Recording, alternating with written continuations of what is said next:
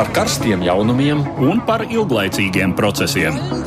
par idejām, par cilvēkiem, par naudu, Un par laiku, par abām mūsu planētas puslodēm. un lietojot abas smadzeņu puslodes. Ēterā raidījums divas puslodes.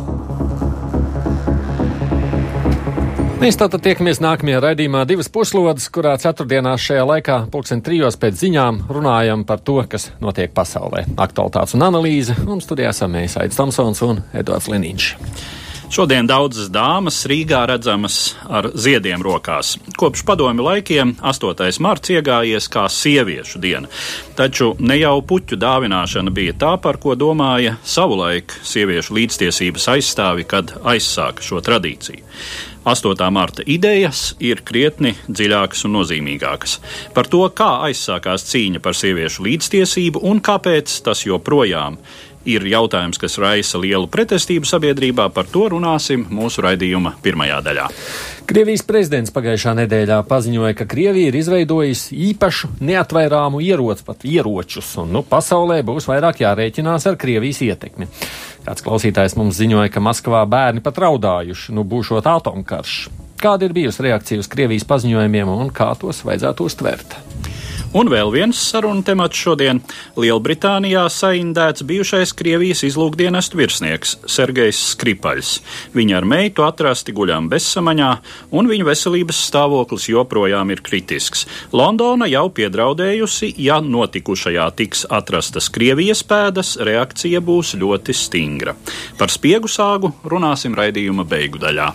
Šo tematu kontekstā es arī gribētu aicināt tos, kas lieto Twitteri. Latvijas radio viens kontā nobalsot par jautājumu, kā jūs vērtējat Krievijas prezidenta paziņojums par superieroču radīšanu. Vai tiešām tas ir sākums jaunam augstajam karam un militārai sacensībai? Vai tas ir tikai paziņojums Krievijas iekšējai lietošanai, nu, teikt, lai iespaidot savus vēlētājus, vai arī Krievija patiešām ir uztrauksies par savu drošību un dara visu savai aizsardzībai? Tātad izvēlieties, kurš no atbilžu variantiem jums šķiet ticamākais un lūdzu nobalsojiet. Tagad vēl tuvāko minūšu laikā, tātad balsošana ir Twitterī Latvijas radio viens kontā. Mūsu raidījuma viesi eh, šīs stundas laikā mainīsies, kādi nāks klāt, citi dosies prom.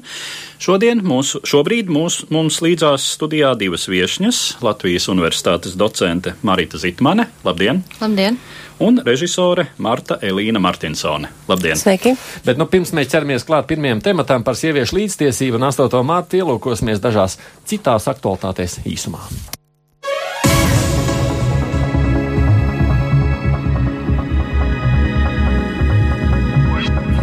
Itālijā sāksies cīņa par to, kurš varētu vadīt valdību. Trīs koalīcijas ir ieguvušas vērā ņemams panākumus, bet nevienai no tām nav nepieciešamais balsu skaits, lai būtu balsu vairākums.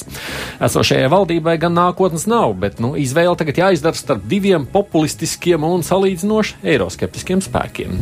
Eiropā šajās dienās daudz runā par vēlēšanu rezultātiem un to, kāpēc savulaik tik pro-eiropeiskā Itālija nu, ir kļuvusi par vienu no skeptiskākajām sabiedrībām. Kas notiks tālāk pašā Itālijā un kāda tad varētu būt tās politika, mēs sekosim līdz notikumiem šajā Dienvidu Eiropas zemē un kādā no nākamajiem raidījumiem pie Itālijas politiskajiem izaicinājumiem atgriezīsimies.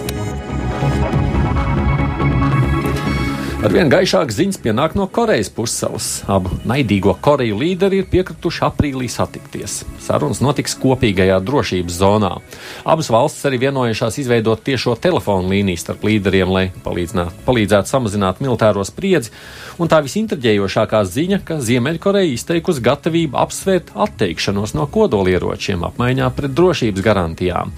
Ziemeļkoreja esot teikusi, ka tai nav iemesla turēties pie saviem kodolieročiem, ja militārie draudi pret Ziemeļkoreju tiek izkliedēti un tiek garantēta drošība tās režīmām. Pirmdien Ziemeļkorejas līderis uzņēma desmit cilvēku lielu Dienvidkorejas pārstāvju delegāciju, kur visas šīs vienošanās ir pārunātas. Jaunās ķibelēs ir iekūlies ASV prezidents Donalds Trumps. Porno aktrise Stefānija Kliforda ir iesniegusi tiesā prasību atzīt viņas parakstīto klusēšanas līgumu par spēkā nēsošu. Klifordai savulaik esot bijusi dēka ar Donaldu Trumpu, taču pirms vēlēšanām Trumpa advokāts esot panācis vienošanos ar viņu, ka par šo aktrisi nerunās.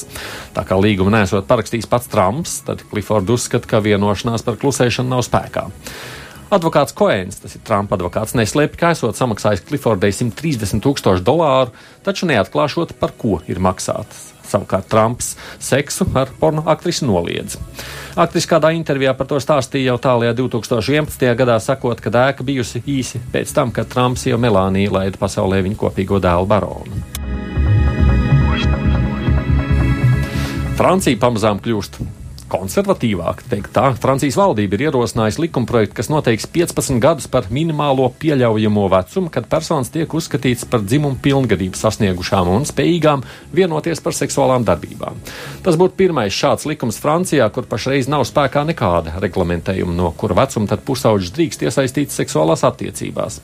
Divās lietās, kas nesen tika izskatītas tiesās, viens pusaudzis, viens pieaudzis vīrietis tika apsūdzēts par seksu ar 11 gadus vecām meitenēm, un saskaņā ar Franciju Francijas likumiem tika uzskatīts, ka viņas pašas ir labprātīgi piekritušas šādām attiecībām. Un vēl viena ziņa - Oskars kļūst ar vien mazāk interesants. Runa ir par ASV Kino akadēmijas balvu. Šajā svētdienā Oskara pasniegšanas ceremoniju televīzijā noskatījušies 26,5 miljonus skatītāju, kas ir par piekdaļu mazāk nekā pirms gada, un tas ir jauns un antirekords. Vēl pirms četriem gadiem Oskara pasniegšanu skatījās gandrīz divreiz vairāk cilvēku. Kā jau ziņāts, šogad kategorijā labākā filma ir uzvarējusi fantastikas filma The Shape of Water, jeb ūdens forma, un arī šī filma nemaz nav bijusi tik populāra. Savienotajās valstīs tā spējusi nopelnīt tikai 57,5 miljonus dolāru, kas ir salīdzinoši maz. Bet nu atgriežamies pie plašākas temata analīzes un sākam ar pirmo no tiem. Startautiskās sieviešu dienas tradīcija pirms vairāk nekā simt gadiem aizsākās kreisās kustības vidē. 1909. gadā Nacionālās sieviešu dienas atzīmēšanu Savienotajās valstīs ierosināja Amerikas Sociālistu partijas Nacionālās sieviešu komitejas vadītāja Terēze Malkīla. Nākamajā gadā notikušajā starptautiskajā sieviešu sociālistu konferencē Kopenhāgenā ideja tika proponēta jau starptautiskā līmenī, un gadu vēlāk daudzskaitlīgas sieviešu demonstrācijas notika Vācijā, Austro-Ungārijā, Dānijā un Šveicē. Kustības vadmotīvs bija toreiz aktuālie sieviešu līdztiesības jautājumi, pirmām kārtām jau vispārējās vēlēšanu tiesības. 1914. gadā Sieviešu diena pirmo reizi tika atzīmēta 8. martā, kas kopš tā laika kļuva par pastāvīgu šī notikuma datumu. Sevišķi spilgta sieviešu dienas loma izrādījās Krievijas vēsturē. 1917. gada sākumā Petrogradas slepeni policijas nodaļas priekšnieks Konstantīns Globačovs rakstīja valdībai, ka galvenais drauds varai ir nevis masoni vai liberāļi, bet gan Petrogradas strādnieces, kuras stundām ilgi spiestas stāvēt rindās pēc maizes. 1917. gada 23. februārī pēc vecā jeb 8. martā pēc jaunā stila šīs strādnieces devās ielās ar lozungiem maizi un mieru. Jau tajā pašā dienā sievietēm pievienojās viņu vīri, brāļi un tēvi, sāka streikot desmitiem tūkstošu Petrogradas rūpnīcu strādnieku. Pēc pāris dienām tiem sāka pievienoties arī kareivi, kurus valdība mēģināja izmantot nemieru apspiešanai. Nedēļu pēc pirmajām demonstrācijām cērs Nikolais II atteicās no troņa un Krievijas impērija beidza pastāvēt. Revolūcija galu galā noveda pie varas radikālos sociāldemokrātus bolševikus un ir pašsaprotami, ka padomju Krievijā, vēlāk padomju Savienībā un tās satelītu valstīs starptautiskā sieviešu diena kļuva par daļu no oficiālā svētku kanona. Tiesa, 8. marts padomju sabiedrībā bija teju vismazāk ideoloģizētais sarkanais datums, kurā starptautisko sieviešu solidaritāti notušēja uzmanības izrādīšana daļējam dzimumam. Kopš 1975. gada arī apvienoto nāciju organizācija atzīmē 8. martu kā starptautisku sieviešu tiesībām un planētas mieram veltītu dienu. Vairāk nekā gadsimtā, kas pagājis kopš 8. marta pirmsākumiem, akcenti sieviešu tiesību sfērā ir daļēji mainījušies. Dzimumu diskriminācijas novēršanai iegūstot vispār atzītu vietu kā starptautiskajā tā nacionālajā likumdošanā, priekšplānā izvirzījusies tradicionālo dzimumu, kultūrālo lomu un uzvedības modeļu pārvērtēšana, joprojām pastāvošās milzīgās atšķirības sievietes statusā dažādos reģionos, rasu un reliģiskajās vidēs vārdarbība un sievietes seksuāla izmantošana kā ekstrēmās situācijās, tā ikdienā, taiskaitā ģimenē.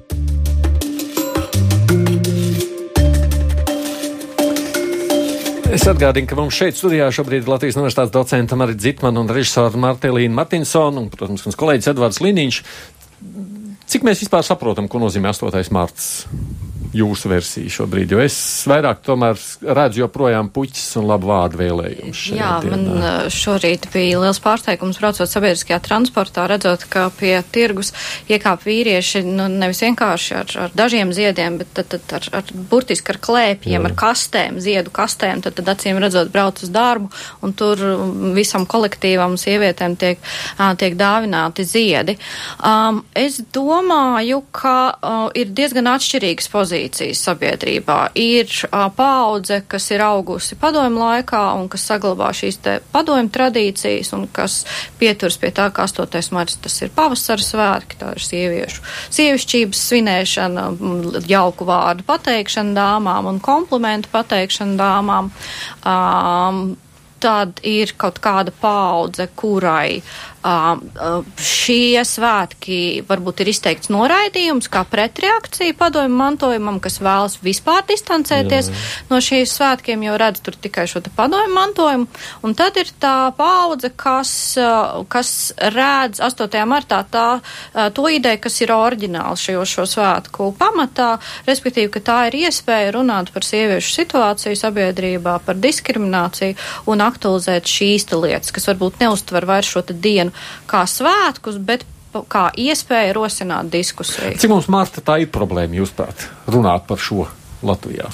Mm, nu, gribētos jau teikt, ka viss ir kļuvis daudz labāk, jo tāds tiešām arī ir, bet uh, nu, kaut vai ierakst, ierakstot jebko, kas ir saistīts ar sieviešu tiesībām vai diespasargu pieminot to F vārdu, tad tā kā Twitters parasti uzsprākst un tad. Uh, Uh, tas ir pierādījums, ka, ja tev šķiet, ka viss kā, iet uz labu un kā, risinās, tad uh, katra šī milzīgā un pārsteidzošā kārtā šausmīgi agresīvā pretreakcija ir tā, kas liecina, ka nu, nav pavisam labi vēl joprojām ar šo jautājumu.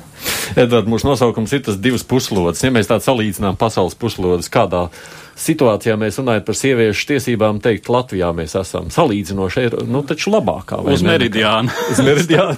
uh, patiešām es domāju, ka no vienas puses, jā, mēs piedarām tai Eiropas telpai un tai telpai, kur tās sieviešu pamattiesības tika atzītas salīdzinoši agri, un mēs lepojamies ar to, ka Latvijā tas notika jau 1917. gadā sākotnēji un tad vispārējā vēlēšanu likumā 1919. gadā. Tas ir agrāk nekā daudzās Rietumē Eiropas valstīs, agrāk nekā Francijā, Lielbritānijā, nerunājot par Šveici eh, un tā tālāk, bet nu, no otras puses.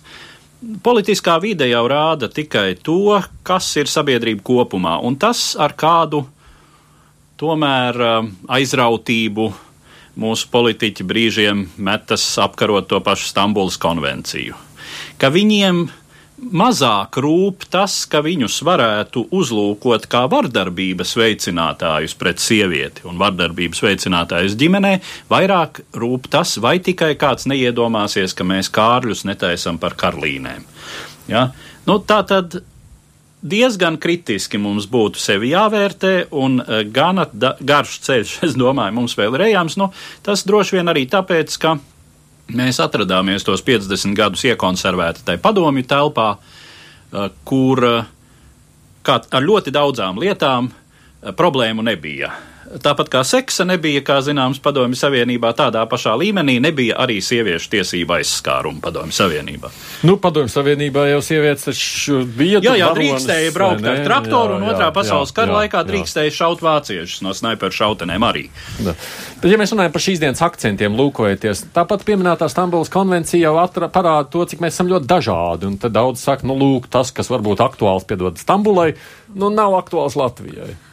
Uh, nu, es domāju, ka, un šorīt uh, notikušais arī gājiens uh, lieliski parāda, ka um, nu, tā mēs nevaram teikt, ka kas ir aktuāls Stambulē, nav, nav aktuāls Latvijai. Tāpat tās, ja mēs paskatāmies uz šo statistiku, tā ir diezgan graujoša. Plus jāņem vērā, ka šī statistika, statistika, kas šie dati, kas ir pieejami, tie nebūtu neatspoguļo patieso situāciju. Jo jautājums ir, cik sievietes patiešām ziņo par šādiem, par šādiem atgadījumiem. Jo tas lielā mērā, jo tas ļoti saistās ar kaunu, tas ļoti lielā mērā saistās ar, ar, ar, ar, ar, ar sāpīgiem pārdzīvojumiem un, un principā, um, nu, daļa ir tikai daļa, kas uzdrošinās par to, par to ziņot, par to, nu, kad, kad, nu, tad, tad pol vērsties policijā. Um, um, tāpēc um, šie dati. Um, nu, es pieļauju, ka tie varētu būt pat lielāki īstenībā nekā tas ir tas, ko, par ko mums uh, ziņo, uh, ziņo policija. Un arī uh, ņemot vērā kaut vai tas apstākļus, šī sabiedriskā, sabiedriskā domas uh, aptauja, kas tika veikta, kas saka, ka 53, ja nemaldos, procenti Latvijā piekrīt, ka sieviete pati var uzprasīties uz vardarbību un tā tālāk. Manuprāt, lieliski ilustrē daudz labāk par, varbūt pat par policijas uh, statistiku, kāds ir kopējais kopējais sabiedrībā valdošais noskaņojums un arī izpratne par, par to, nu, teiksim tā, kāda ir sievietes vieta un ko var atļauties vīrietis attiecībā pret sievieti un ko nevar. Tāpēc es nebūtu, neuzskatu, ka Stambula ir kaut kur tālu un mēs esam ļoti no tā visa distancējušies un ka mums šo te visu nevajag. Bet kā tas ir vēsturiski mainījies? Nu, lūk, mēs dzirdējām tajā ierakstiņā, jau ja, tajā skatījumā, kā tas viss sākās. Bet nu, taču tā transformācija notikusi pa šiem gadiem. Nu, transformācija ir notikusi, protams, tā ziņā, ka kaut kas, kas bija pirms uh, simts gadiem uh, teju margināls, un pirms simts gadiem droši vien daudzi, nevis droši vien, bet pilnīgi noteikti daudzi domāja par uh, kategoriju sievietes vēlēs parlamentu, sievietes būs parlamentā. Internetā var apskatīt, eh, teiksim, eh, tai pašā Wikipēdijas rakstā tādu karikatūru no žurnāla Punch, eh, satīriska žurnāla, kur nu, tā laika karikatūristam ir šķitis apsmiešanas, apsmaidīšanas vērts tas, ka, nu, teiksim, parlamentā kāda priekšsēdētāja sēž ar bērniņu rokās, un uh, cita savukārt stāv tribīnē, un tad kungi ar durstīgiem skatieniem vēro viņas uh, ķermeņa daļu zem jostas vietas, uh, kas šodien mums ir uh, diezgan saprotama situācija daudzos uh, teiksim, darba vietās, ka ir jādomā par to, kur mamma liks bērniņu, un ir salīdzinoši nesen pat uh, tādas uh, arī ar šo sieviešu tiesību kustību saistītas tendences, kā uh, dienas, kad bērnus uh, ļauj ņemt, nu vai neļauj, bet veicina to, ka bērni tiek ņemti līdzi uz darba vietu. Nu, tā tad uh, ir, uh, ir notikušas ļoti būtiskas pārmaiņas, bet, uh, uh, protams, ka daudz viet likuma burts konvencijas, uh, nacionālā, starptautiskā likumdošana iet krietni pa priekšu likuma garām, tradīcijai, uh, kultūrai. Nu, Saudārābija, piemēram, arī ir ap, ratificējusi ANO pieņemto konvenciju par sieviešu diskriminācijas novēršanu. Bet mēs diezgan labi zinām, cik šajā uh, karalistē, kas lielā mērā ir vispār uh, reliģiska valsts, uh, tātad teokrātiska, ir, uh, ir kāds ir sievietes status. Es jau kā skatījos televīzijā, kā viņas mācās beidzot braukt ar mašīnu. Jā, beidzot. Beidzot, beidzot. Viņām ir atļauts. Jā, un laikam jā. trīs divus vai trīs gadus viņām ir tiesības no, vēlēt pašvaldību vēlēšanās. Jā, no nu, piebildīsim, ka tur vispārēja vēlēšana nav vispār. Tā, mm. tā ir joprojām mantojama monarhija. Mm. Kas, ja mēs tagad sakām, kas ir mūsdienas, šīs dienas galvenais izaicinājums, ja mēs runājam par sieviešu tiesībām? Mm, manuprāt, runāt par tām problēmām, kuras nav tik viegli, piemēram, pierādāmas kaut kāda. Um, tā teikt, tā slēptā diskriminācija, par kuru uh, runājot, uh, pārsvarā tu saņem pretī uh, šo argumentu, nu tā jau gluži nav, un tad, protams, ir tas, bet jūs varat vēlēt, jūs varat darīt to, un tev noliek priekšā visus šos likumā atrunātās privilēģijas, kas tā kā tev ir beidzot iedotas, un tad, uh, ko tu vēl prasi.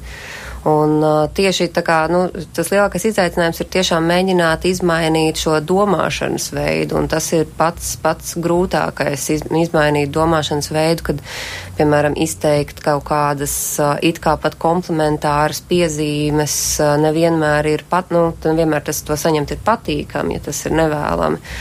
Nu, tieši man liekas, ka tas ir vislielākais izaicinājums, tā kā mēģināt uh, mainīt šo domāšanas veidu, taču tāpat laikā šī brīdī viss tas, kas notiek par un ap Stambulas konvenciju, liek domāt, ka tas, tas šīs, kā, šis lielais progress, ka nu, nav jācīnās par neredzamo diskrimināciju, bet nu, jau par diezgan reālu, apdraudošu situāciju. Tas pats, kas notiek ar olšu un ziedošanas uh, ierobežojumiem. Uh, protams, dažādiem piedāvājumiem par to, kā vēl varētu ierobežot abortus un laulību konsultācijas kristīgā vīzē. Tas viss tā kā velk uz kaut ko jau ļoti diezgan biedējošu un atpakaļ rāpulīgu. Man jāsaka, ka mēs sākam atkāpties atpakaļ gaitā. Man jā, jāsaka, es, es mazliet norīstījos lasot, ka deputāte Barča ir izteikusies, ka Sievietei ir pienākums dzemdēt. Mēs esam aizmirsuši par sievietes pienākumu dzemdēt. Manuprāt, tas ir viens konkrēts izpaudums vispārējām priekšstatam, kas acīm redzot, piedodiet, izriet no paudzes īpatnībām, ka sabiedrība ir svarīgāka par individu, ka individa brīvība un intereses ļoti lielā mērā ir jāpakļauj sabiedrības vajadzībām. Nu, tas ir tas, ka sieviete, piedodiet, varbūt arī dzemdējamā mašīna, ja valstī to vajag, ja ķeizaram vajag karavīrus, eh, ja diktatoram vajag kalnračus. Tad uz priekšu.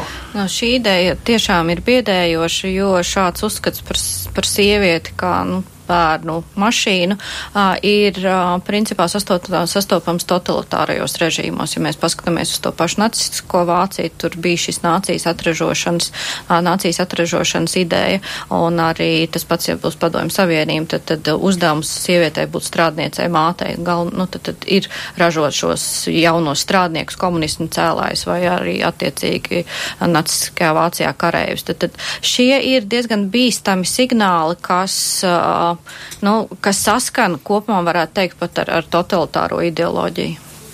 Bet ko darīt? Ja mēs jau tuvojamies tūlītās nākošajam tematam, un jūs arī dosieties prom, tāpēc vairāk šoreiz Jā. skatos tieši jūsu virzienā. Ko tad darīt?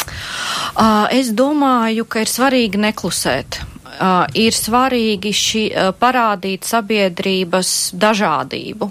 Es, um, ir svarīgi parādīt to, ka visa sabiedrība nepiekrīt šim te uzstādījumam. Uh, es saprotu, kā pat laban dzimuma līdztiesība tiek izspēlēta kā kārtas priekšvēlēšana cīņā, ka tas tagad ir izdomātais jaunais ienaidnieks, ap ko mēs varam mobilizēt, uh, mobilizēt vēlētājus, jo uh, nu, ļoti vienkārši un primitīvi ir nobaidīt vēlētājus, un, un ja ir bailes, tas ir liels motivators iet un par kaut ko balsot, balsot par to, kas tagad mūs aizstāvēs no šī te ļaunuma. Un pat labāk izskatās, ka šie jautājumi par dzimumu līdztiesību tiek pozicionēti kā ļaunums, no kā tad mums ir, ir, ir ja mēs nesakām, ka dzimumu līdztiesība, mēs sakām, ka tur kaut kas tā kā blakus produkts ap to dzīvi. Nu jā, kas ir, nu te ir ļoti daudz mītu, ka ir to dzimumu līdztiesību pat labāk, ja mēs runājam par šo te ģendera ideoloģiju, tiek saprasts vēl vis, vis kaut kas cits, LGBT, atbalsts abortiem, atbalsts vienzimumu laulībām, principā tiek pie, pieplusotas tās lietas, no kurām sabiedrībā, protams, lielai daļai sabiedrības ir bailes. Tad no, no šī te jaunā, nezināmā, no pārmaiņām, tas viss tiek pagrūsts apakšā zem šī te zem, zem, zem dzimumu līdztiesības idejas. Uh, ir, uh, un tāpēc ir, es domāju, ir svarīgi neklusēt un parādīt, ka visa sabiedrība tā nedomā un uh, ka, uh, nu, ka tā nebūs augstā kārtas, ko var izspēlēt. Vēl, protams, ir ārkārtīgi svarīga svarīgi tādi raidījumi kā šie, kas runā un kas cenšas uh, sniegt informāciju.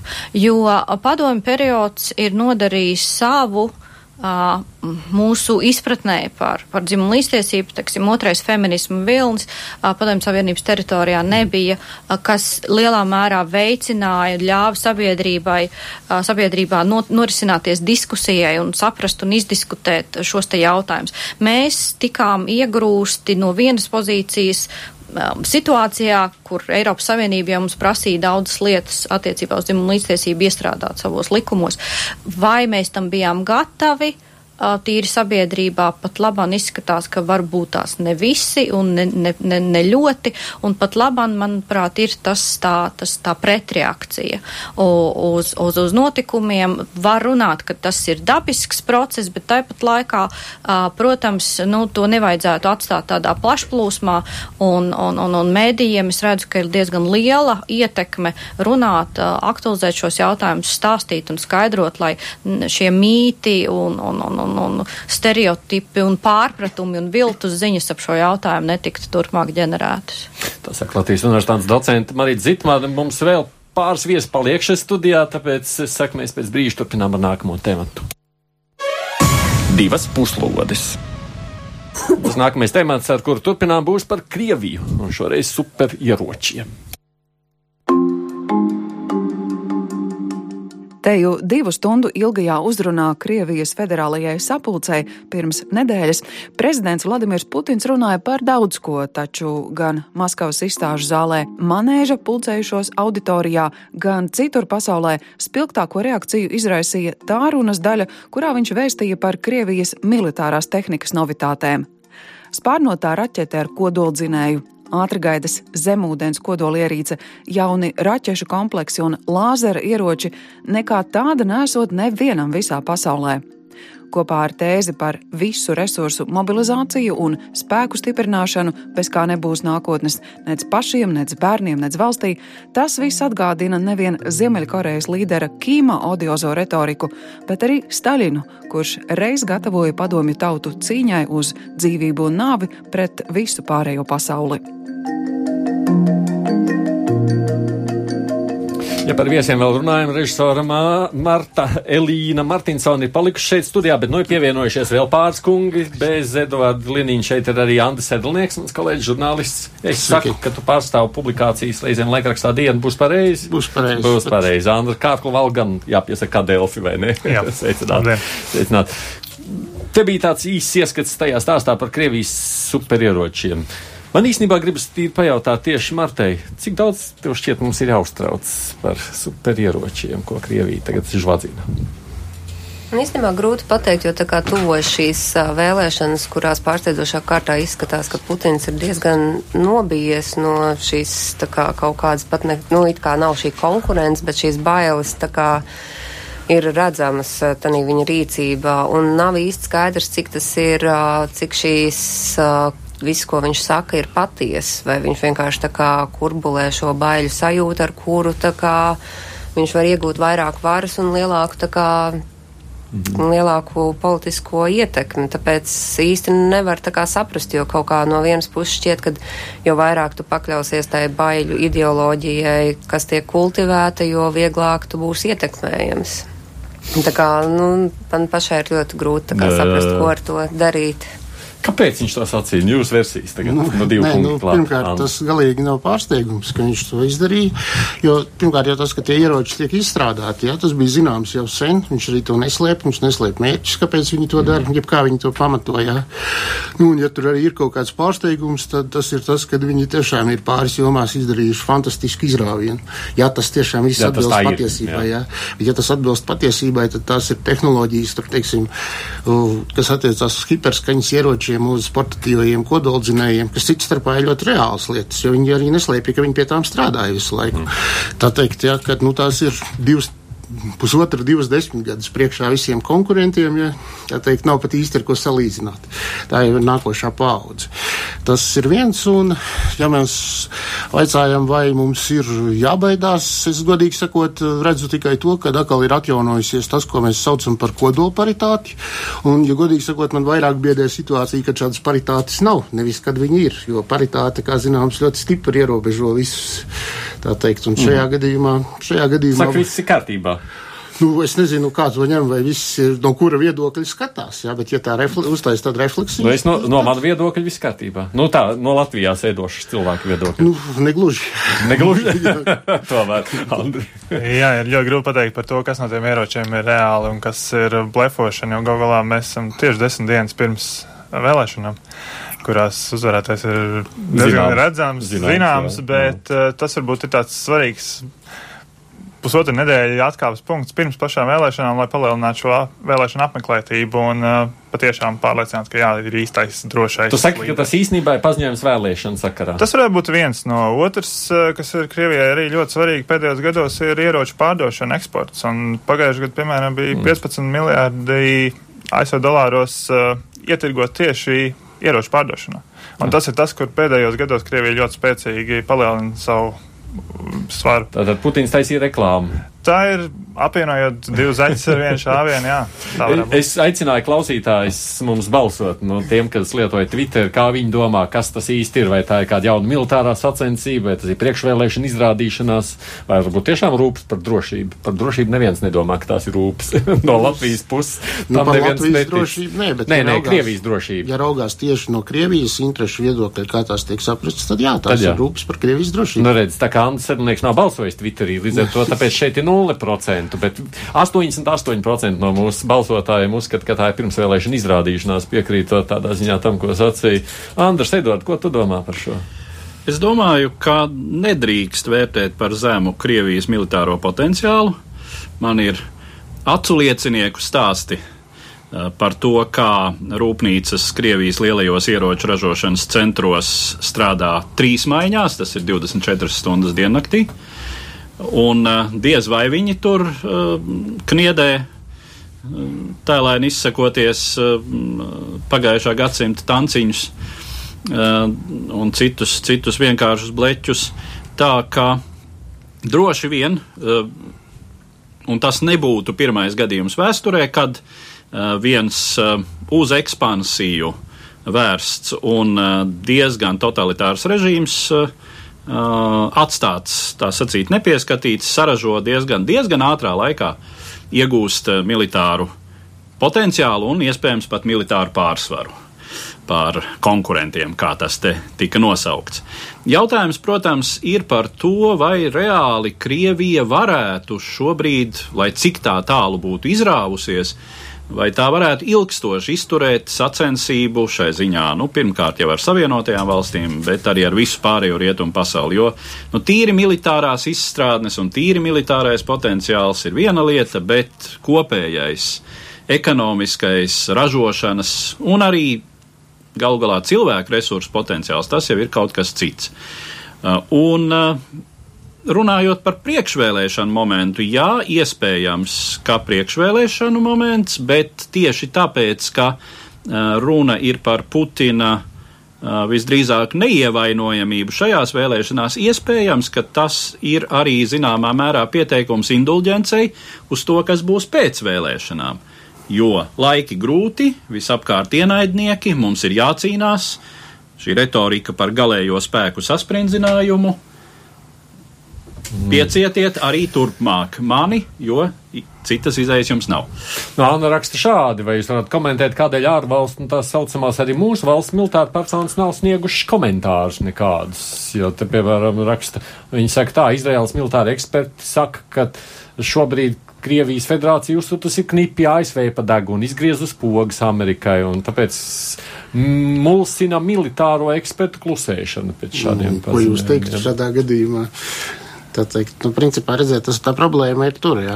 Es pilnībā piekrītu, tas Krievijas potenciāls, ir nesalīdzinām lielāks nekā tiek ierasti uzskatīts, to starp īpaši militārais, jā. Nu, piemēram, Rosatom, tā ir pasaulē vadošā kodolenerģētikas kompānija, jā, saucās.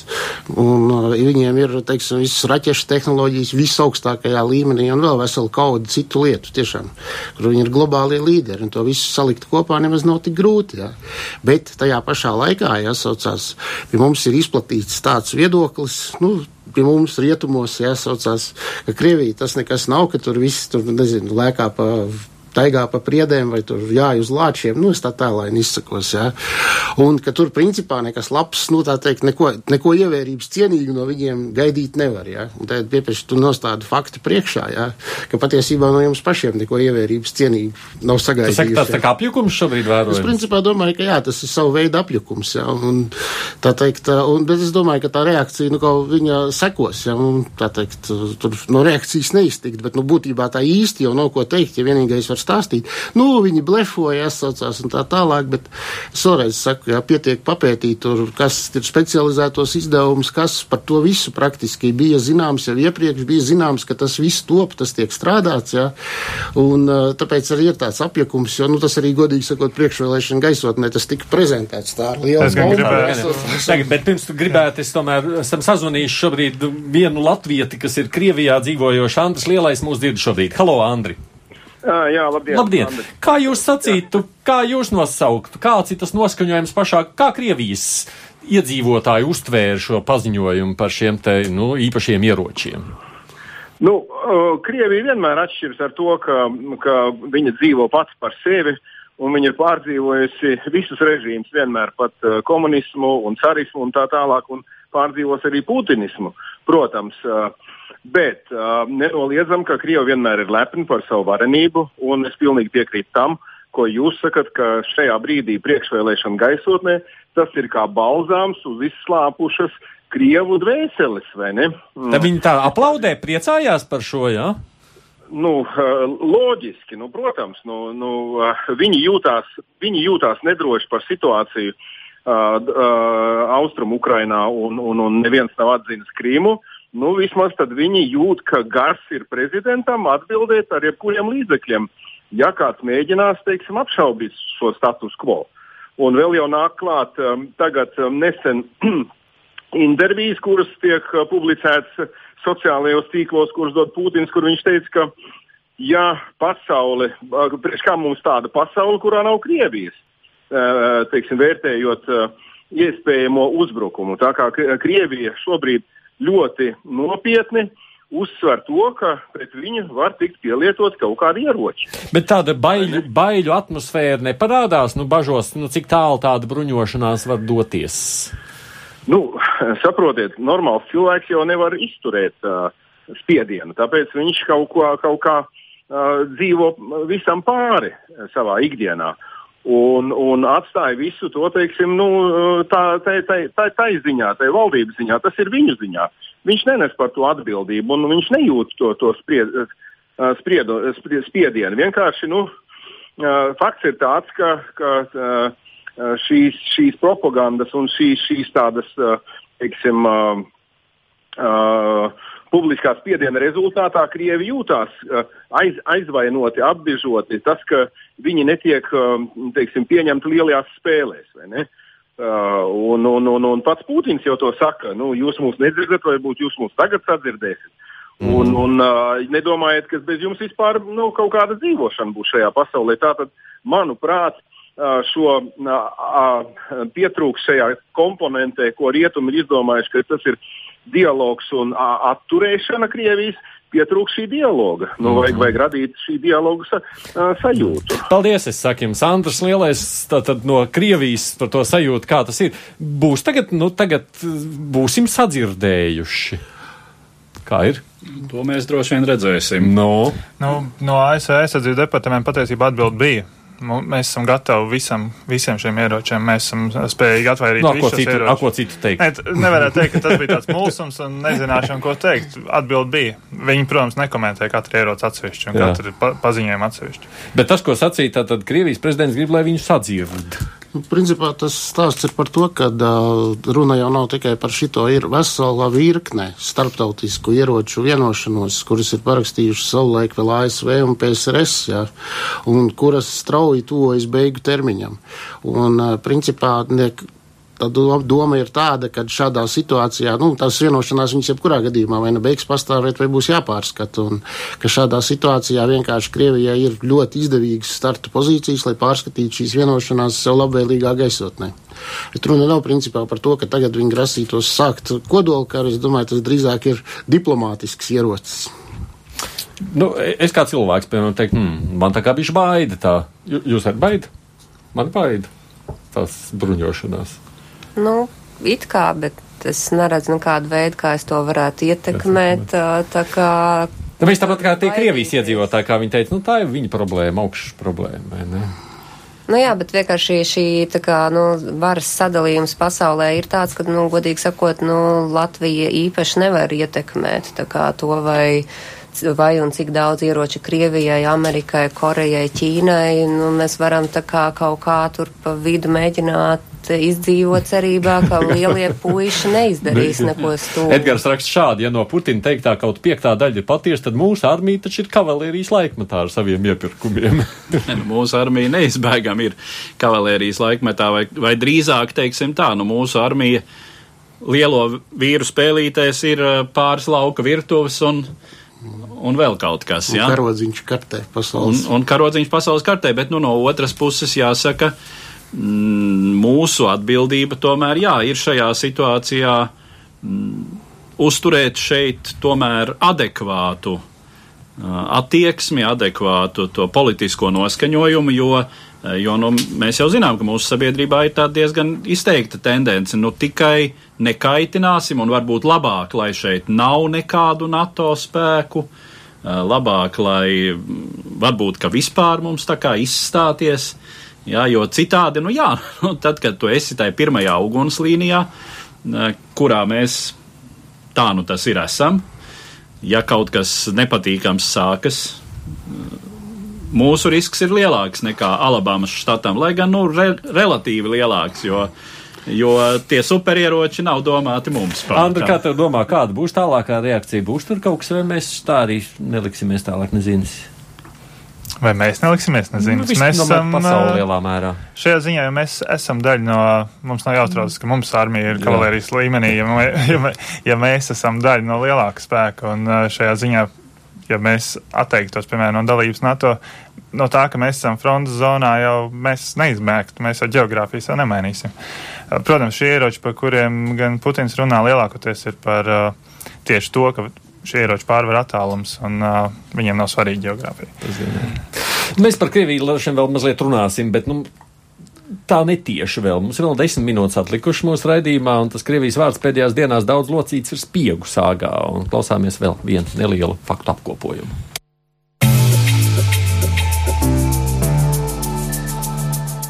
5. martā Anglijas pilsētā Salisburijā bezsamaņā tika atrasts bijušais Krievijas armijas galvenās izlūkošanas pārvaldes virsnieks Sergejs Skripaļs un viņa meita Jūlija.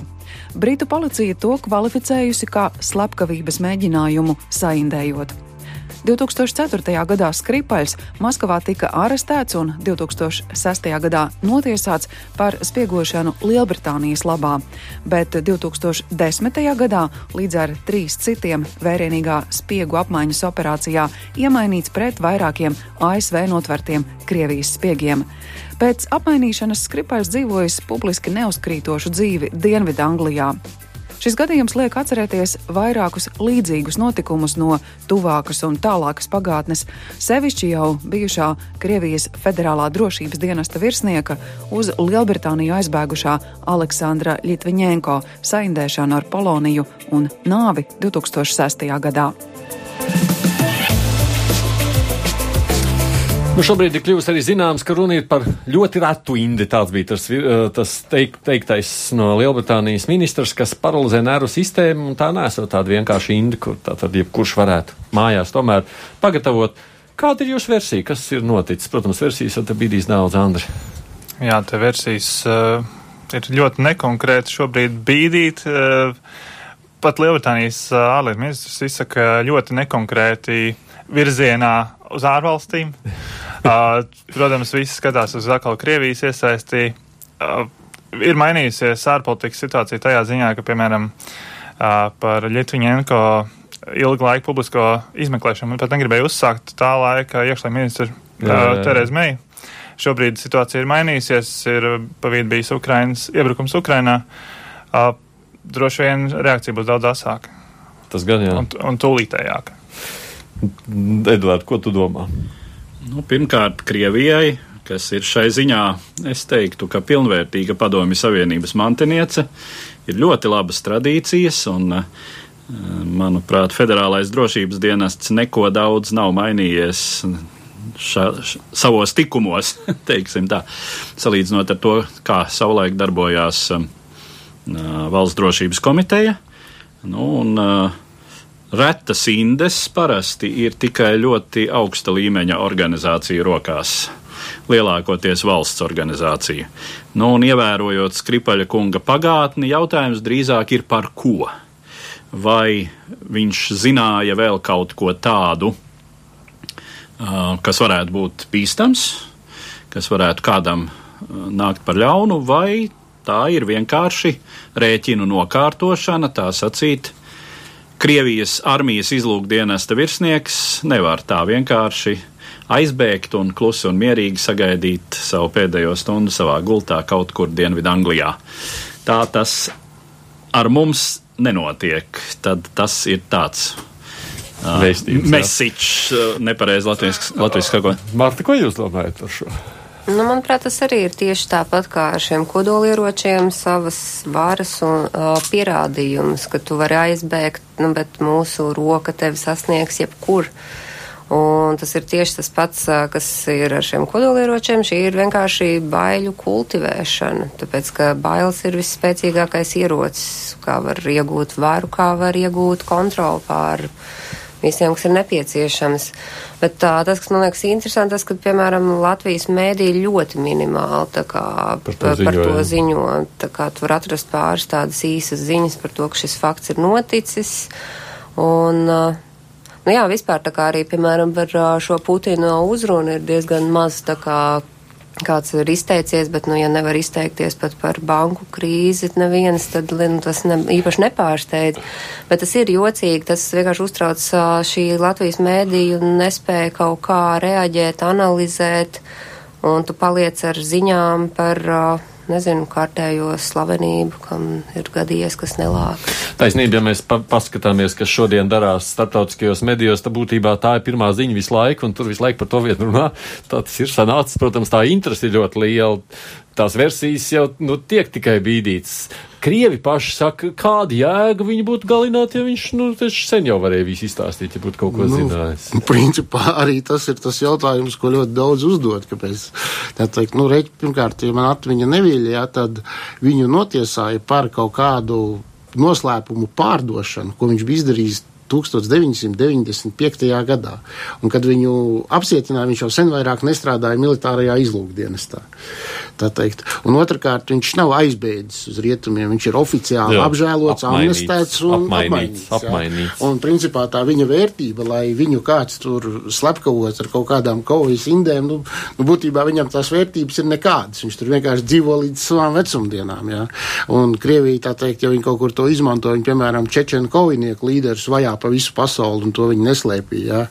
Un tā teikt, un izsmalcināt, ja, atbrīvojās no viņiem, lietosim tā, ja, šo vārdu. Ja, tā kā es arī es savā ziņā es nesaprotu, nu, kuram tas viss ir vajadzīgs, nu, kuram viņš ir vajadzīgs. Bet te pašā laikā ir skaidrs, ka, nu, vienkārši, piedod, neviens tā parasti cilvēku pensionāri Latvijā ar rati atrodam inti, kas ir tikai pēcdienas rīcībā, nu, kaut kāda neloģika tajā visā. Nē, nu, tās var nebūt arī valsts līmeņa attiecības, tas var būt arī kaut kas privāts. Jā, jo Protams. šie cilvēki, un jo sevišķi Krievijā, bieži vien ir iesaistīti privātās valsts nozagšanas, valsts piesavināšanās, uh, ekonomisko noziegumu schēmās. Nu, atcerēsimies to pašu Litviņenko. Tur jau arī bija ļoti liels šis korupcijas uh, komponentus. Nu, faktiski jau Litvinenko atklāja būtībā ekonomisku noziegumu schēmas, kurās bija iesaistīti ļoti augsta līmeņa. Jā, bet tur viņš atklāja. Šis vīrs tiešām mēs neko nezinām, ka viņš būtu kaut ko interesantu izdarījis. Jā, bet tur redzēt, mēs arī nezinām, varbūt šis vīrs savas svētrainās darbības laikā ir pārgājis ceļu kādam cilvēkam, kurš, tā teikt, ir ierakstījis viņa vārdu, es nezinu, kur, jā. Es nedomāju, ka tiešām, kā jau tik minēts, ka tā varētu būt valsts, jā, bet nu nepavisam nav izslēgts, ka ir cilvēki, jā, saucās, kas labprāt nokārtotu šādus rēķinus. Tāda Vai iespēja... ir iespējams vispār šo atklāt? Es nezinu. Es godīgi pateikšu, ka es nezinu. Tur ir jāgaida, ko paziņos. Uh, Nu, Kim Čenuna brāli tur atklāja vai neatklāja, bet ASV redz uztaisīja sankcijas šodien. No šodienas Ziemeļkorejā nu, jaunas sankcijas. Šis būs apmēram tas pats gadījums, ja saucās. Jā, bet tad ir kaut, tad, tad tomēr ar sankcijām tu paziņo, ka tu saki, ka tu zi, nu, zini, nu, teiksim, uzskata, kurš ir vainīgs. Litviņenko lietā arī izmeklēšana jā. jau ir izbeigta un ar rezultātiem. Jā, jā, jā. Tātad vainīgais domājams ir zināms, viņš ir šobrīd Krievijas valsts domes deputāts, jā. ja nemaldos, apbalvots ar, jā, apbalvots ar medaļu par nopelniem tēvzemes labā, un Krievija principiāli savus pilsoņus ārvalstīm nu, neizdod. Jā, tā tas ir. Oficiāli vainots tika arī Putins pats. Kā... Jā, jā, tur jau tika vainots arī. Nu, tu paredz, ka tomēr vismaz līdz kaut kādām tādām oficiālām aizdomām aizies? Nu, šobrīd ir, nes, kā jau minēts, ne, pilnīgi neskaidrs šis iemesls bez tā, ka tas ir baļu uzturēšanai. Jo baļu uzturēšana ir vienīgais, kas šobrīd ir tāds loģiskais, redzamais, precēji Ļiņenko, kur kur bija tuvinieki, kas varēja paskaidrot, meklēt, zināja, ko Ļietviņēko dara. Un viņš gal galā bija sarakstījis grāmatas. Tad šajā gadījumā cilvēks dzīvoja klusībā, mierā, un pēdējo dažu gadu laikā ir aizgājis gan viņa sieva, gan dēls. Kas, jau, kas arī šobrīd uh, Lielbritānijas amatpersonas jau jā. runā Solī, par izmeklēšanu. Vēl. No jauna. Nu, vienīgais, ja, tā, ja gribētu kāds tiešām vienkārši izrēķināties, to taču var izdarīt droši vien noteikti mazāk skaļi. Nu, proti, neizmantot tādu vielu, ko tu saproti, kas jebkuram nav pieejama. Šis ir diezgan demonstratīvi. Jā, nu, demonstratīvi, bet jā. nav jau izslēgts, ka arī kāda privāta persona vai, vai privāta struktūra vai, vai kāds cits izņemot Puķinu arī vēlētos šādu publicitāti. Nu, no otras puses, šī viela varbūt palīdzēs noskaidrot, kas par lielu. Vismaz tur kaut kādas, var, ja viņi ļoti reti, tad var meklēt, kur tās kājiņas nu, arī ļoti reta viela. Viņi vienmēr, vienmēr ir kādas divas, trīs, četras, piecas iestādes, kur šī retā viela top, jā. Un tā teikt, tā kā viennozīmīgi pateikt, nekad neviens neko nevar. Bet Mārta saka, ka mums vienkārši medijiem Latvijas vajag arī runāt vairāk par tādām lietām. Jā, sakot, Manuprāt, jā, vispār par kaut kādām ļoti svarīgām starptautiskām norisēm. Uh, bieži vien šī informācija tev ir speciāli jāmeklē.